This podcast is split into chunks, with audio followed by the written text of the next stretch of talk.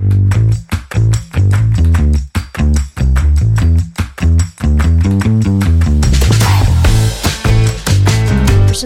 mirë se erdhët në podcastin tonë. Unë jam Dina dhe unë jam Elira. Dhe podcasti titullohet Let Pages Take You Places.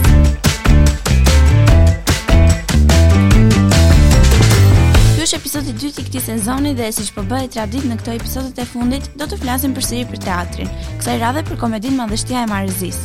Një prodhim i Fondit të Teatrit për të Rinj, Ministrisë së Kulturës, që vjen si bashkëpunim i Teatrit Kombëtar Eksperimental, Kujtim Spahivogli dhe Teatrit të Korçës. Komedia që ka për autor shkrimtarët Jani Duri e Vangjel Kozma flet për Shqipërinë e tranzicionit, por pa përmendur atë.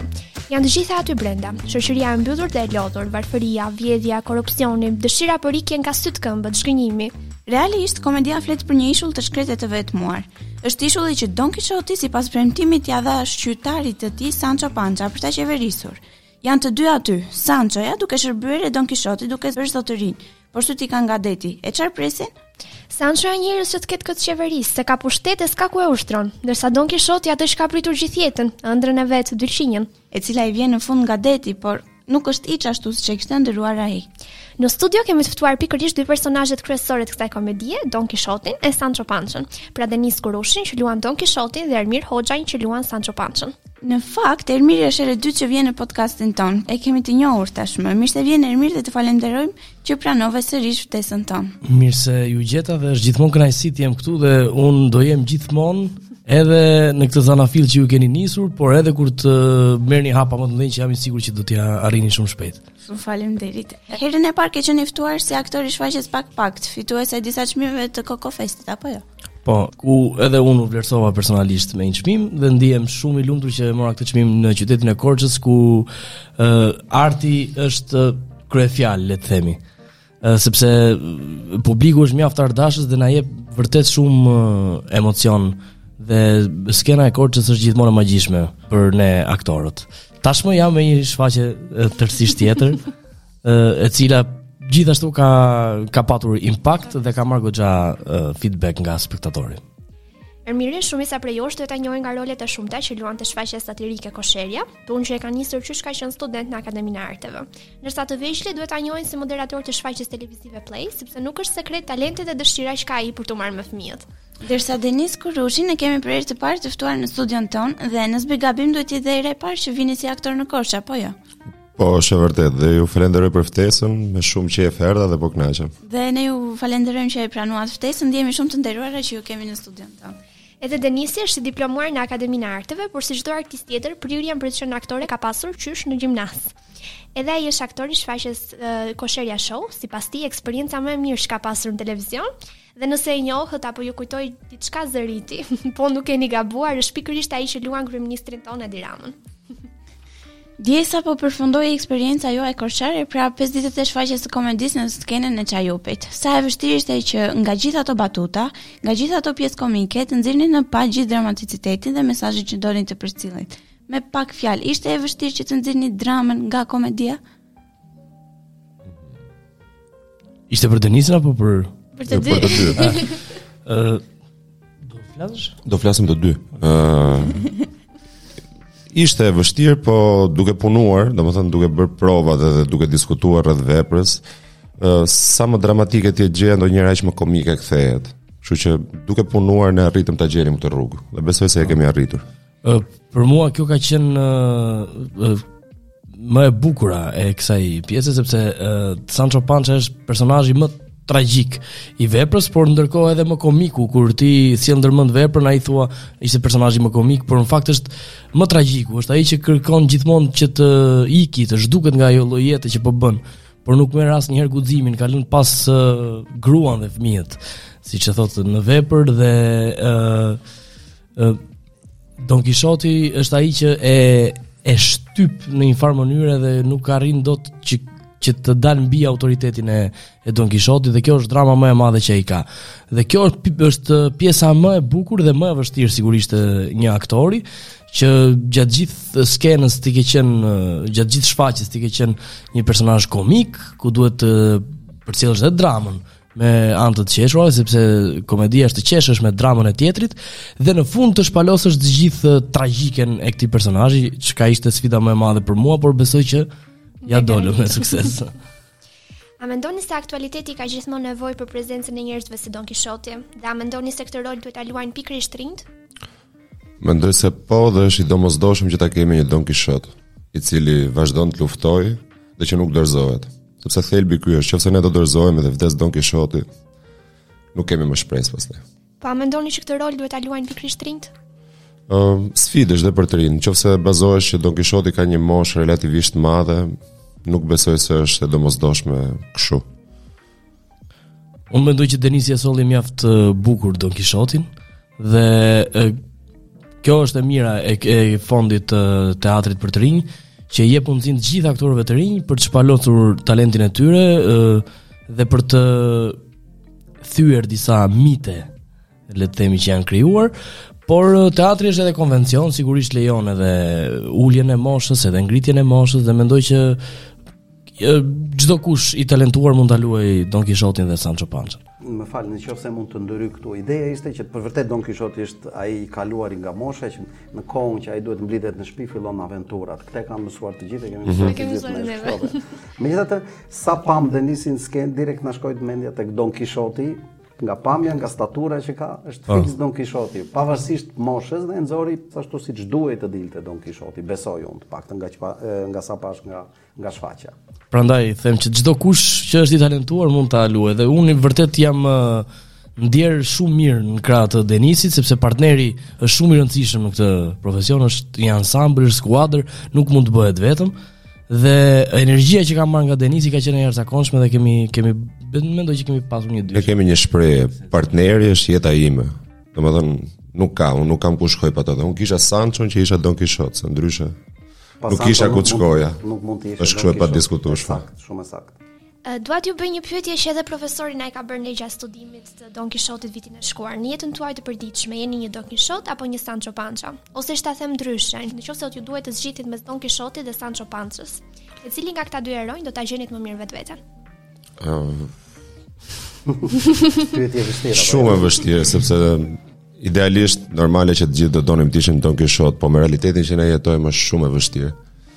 Dhe luftohemi dhe po e rëndësishme që nuk dorëzohemi, kështu që unë do mbetem te Don Kishoti. Po, uh, unë mendoj që do, do të ishte një idealja do të ishte një shkrirje mes të dyjave që idealet romantike. uh, idealet të mos na uh, pengojnë që ne të të të ecim përpara dhe të jemi ndonjëherë edhe pragmatistë kur kur duhet, por pa humbur dinjitetin. Kështu që unë mendoj një shkrirje mes të dyjave do të ishte idealja. Idealja. Sancho Pança tha një frazë që më mbeti në mendje. Njerëzit në këtë botë bëjnë garë kush e kush të jetë më i mirë e më fatkeq. Vërtet mendoni se ky është realiteti i shoqërisë tonë? Unë e them edhe me shaka si e mirë që këtë shprehjen e Sancho Panchës, sepse sot është bërë trend të tregosh vuajtjet dhe e, e, gjithmonë të reklamosh dështimet, të, të qahesh, të ankohesh dhe kjo i bën njerëzit që të mos ecin përpara. Ndërkohë nëse ne i shohim gjërat më pozitivisht dhe nëse kemi besim tek vetja, nëse e, fokusojmë gjithë energjinë tek gjërat që duam, Ne mund të bëhemi dhe Shqipëria mund të bëhet. A mund të konsiderohet kjo vepër si një shuplakë për ecurinë e deritanishme të Shqipërisë? Besoj se po.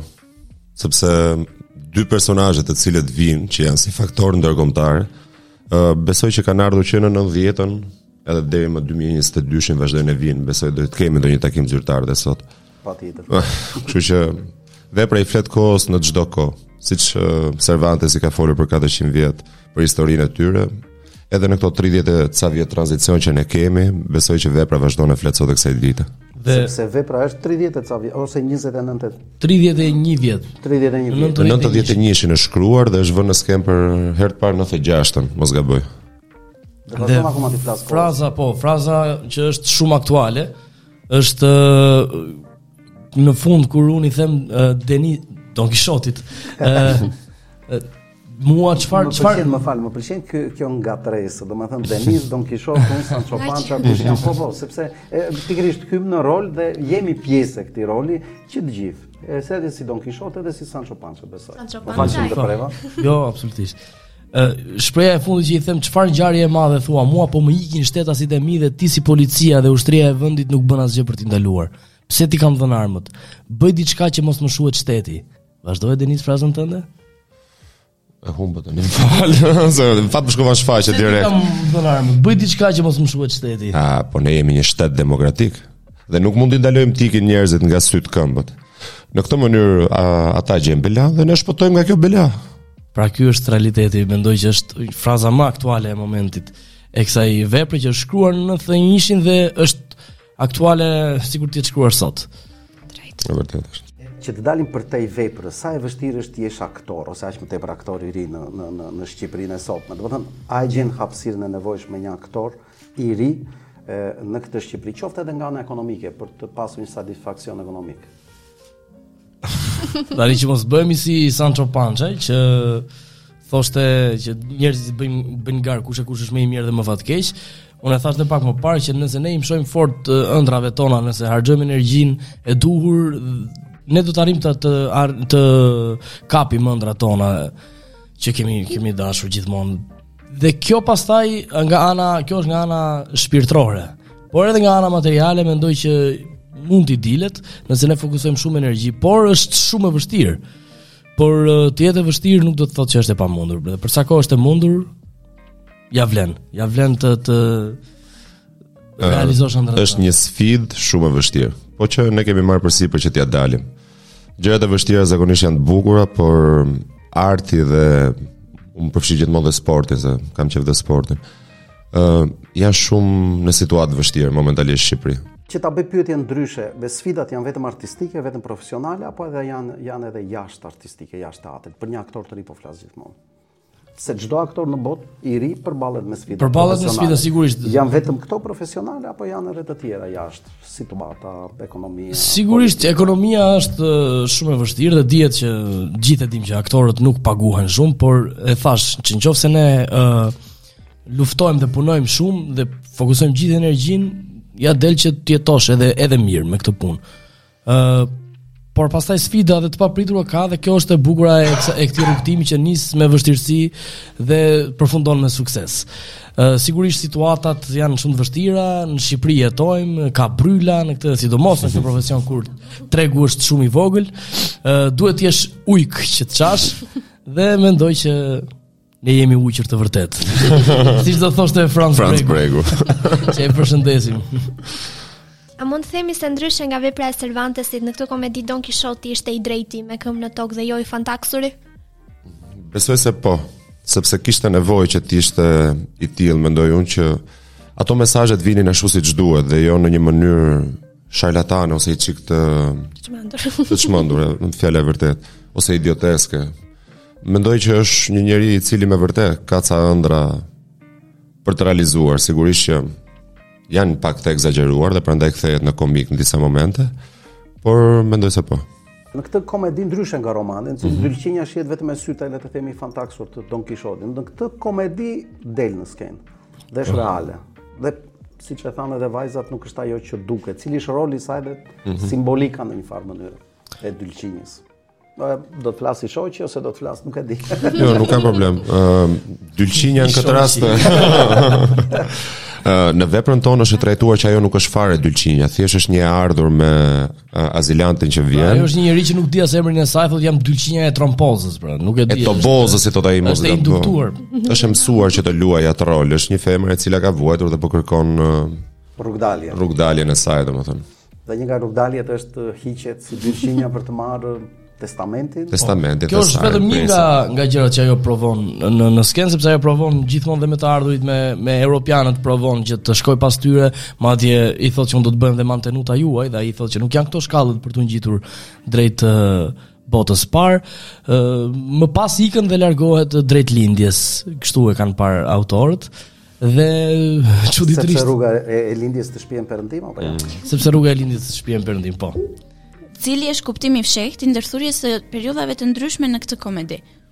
Situatat janë sigurisht të ndryshme nga nga çdo nga çdo periudhë, e prekëm edhe pak më parë që vepra është shkruar shumë herët, është është ka marrë zanafillën e saj është ndikuar nga dy vëllimet e Cervantesit, është shkruar në 91-shin Dhe sigurisht atëherë i fliste kohës, madje në një bisedë me ja, me Vangjel Kozma, njëri prej autorëve që ne kemi bërë, ai ka thënë që në 96-ën kur vepra është shkruar, ka qenë një tjetër kohë, tërësisht nga kjo e sotmja, kur është vënë në skenë, falë, uh, atëherë e ka luajtur uh, Agim Qirjaqi dhe, uh, dhe Roland Trebicka. Dhe Roland Trebicka. Agim Qirjaqi Don Kishotin dhe Roland Trebicka uh, Sanço Pançën. Ai na ka thënë që është vënë vetëm 12 herë uh, në skenë, salla ka qenë plot e për plot, një shfaqje shumë e suksesshme nga ana e publikut, por nga regjimi i kohës që regjimi nuk ka qenë diktaturë, pra ishte demokracia uh, e atyre viteve. E atyre viteve Është ndaluar si vepër dhe nuk është dhënë sepse është marrë shumë personale nga liderët e kohës që kanë qenë atëherë. Dhe sigurisht vepra i flet i flet shumë fort sistemit.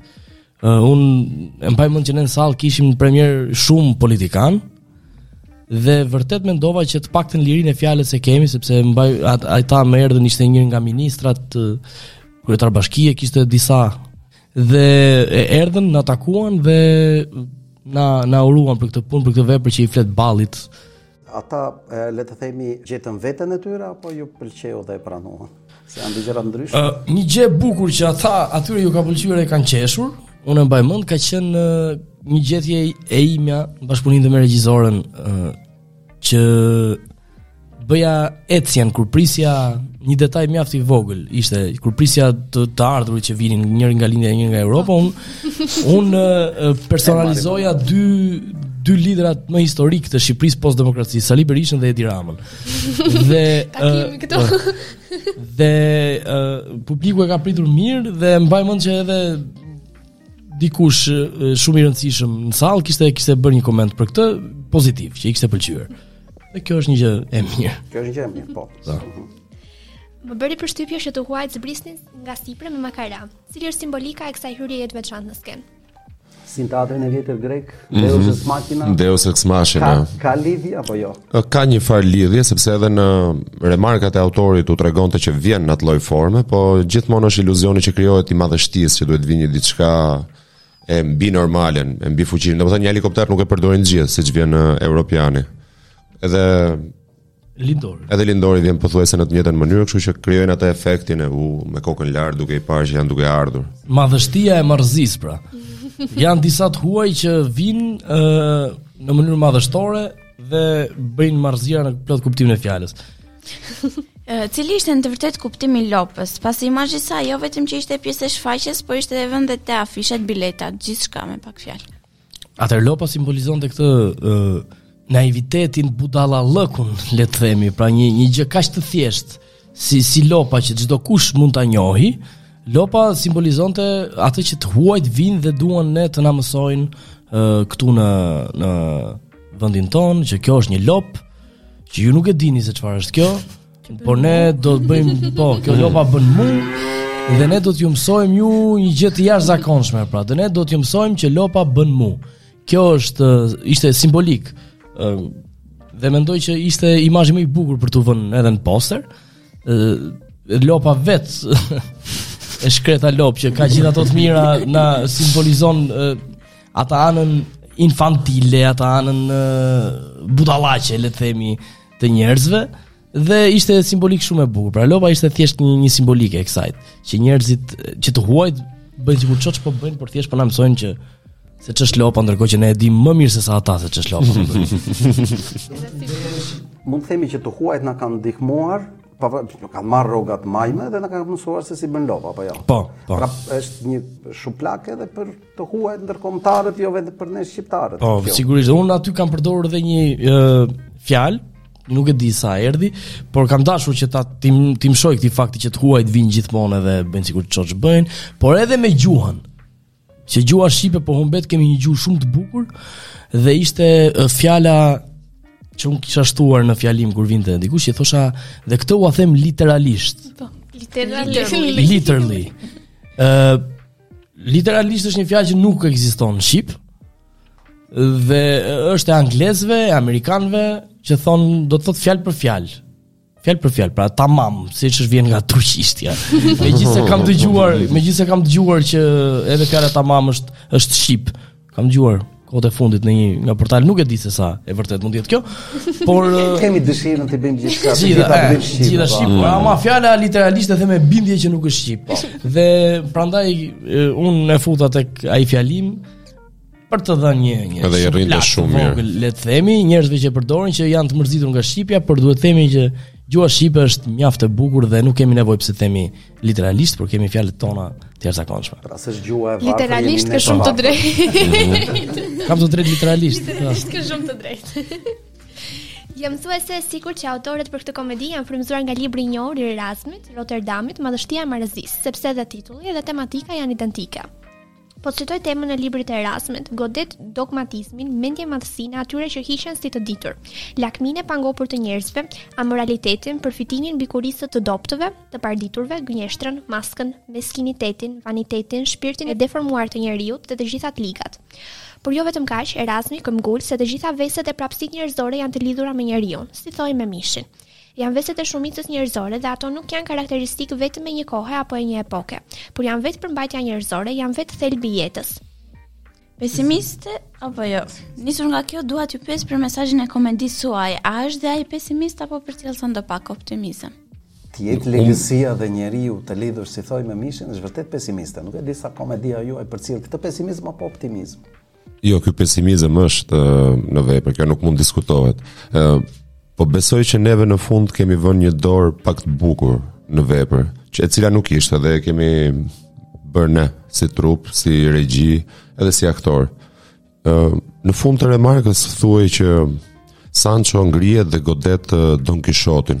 Ëh, mirë. Po, që e Në vepër Sanço e vret Don Kishotin. Pra deri diku mund të kuptohet që edhe ndoshta e vret, dhe ndoshta e merr guxim. Siç e kishin shkruar autorët. Jani dhe Vangjeli. Ndërkohë që ne fundin e bëmë një cikël pak më repetitiv, më të përsëritur.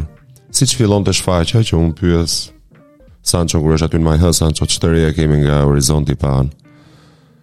Mbasi ndodh e gjitha ajo, ky nuk arrin dot ta bëjë atë gjest dhe kthehet sërish tek Don Kishoti. Dhe thot njëjtën fjali. Dhe unë pyes prapë Sancho, ç'të reja kemi nga horizonti pa anë. Domethënë mbas gjithë asaj që ndodhi, prapë njerëzit vështirë të zënë mend, edhe vazhdojnë. Është një cikël që vazhdon, pra kjo e e Sancho Panchës dhe Don Kishotit, njerëzit vijnë që i i i dhunojnë, që i plaçkisin, që kërkojnë t'u shkelin dinjitetin, t'u heqin ë uh, idealet dhe është një cikël që përsëritet, por ama aty janë gjithnjë dy njerëz që i duhen njerëzimit, që janë Sancho Pancha dhe Don Kishoti dhe për këtë i duhen njerëzimit. Dhe që i duhen njerëzimit dhe ë uh, mendoj që ka njerëz që janë idealistë si Don Kishoti. Prandaj thot në fund vetëm ne e të gjithë vijnë dhe ikin.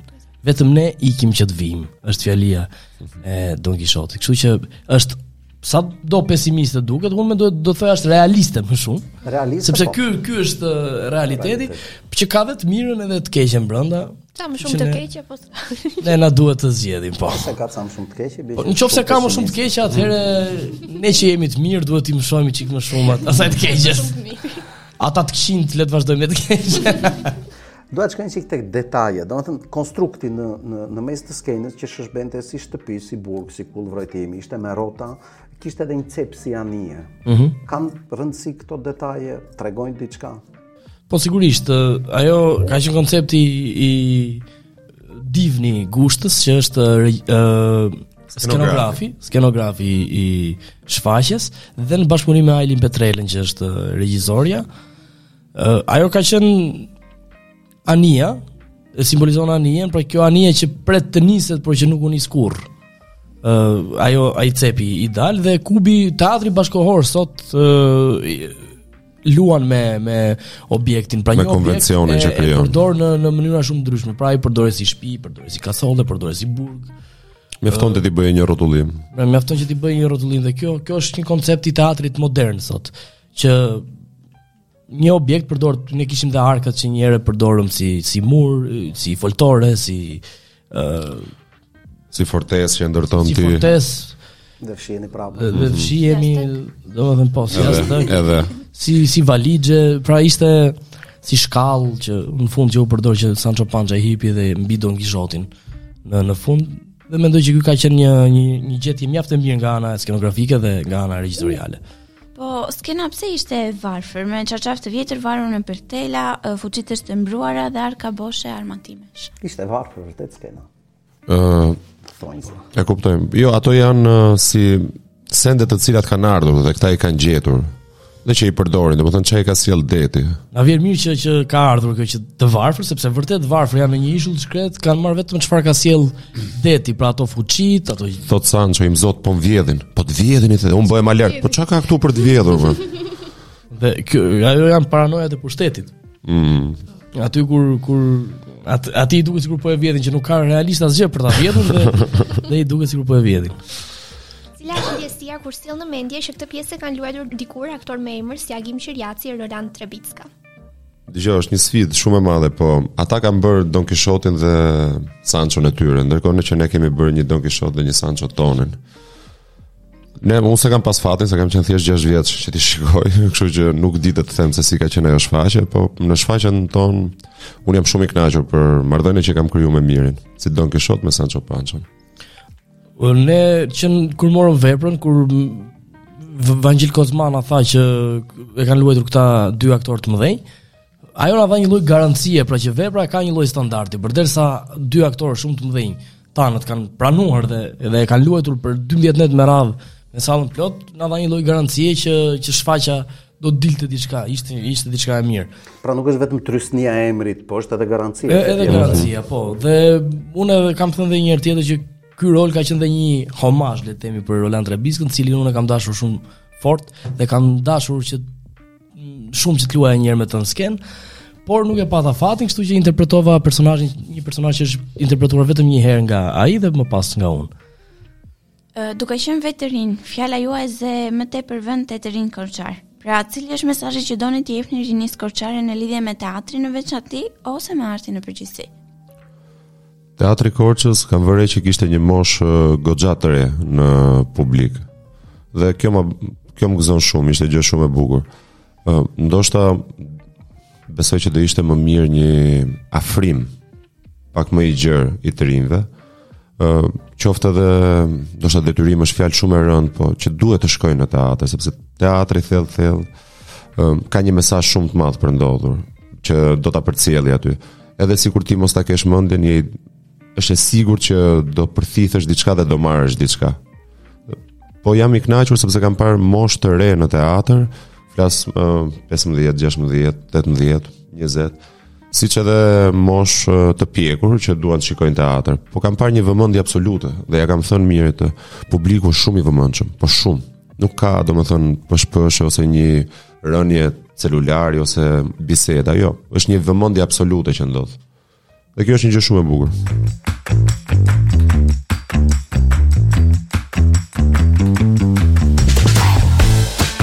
Këtu përfundon dhe episodi i dytë i këtij sezoni të ri. Shumë faleminderit.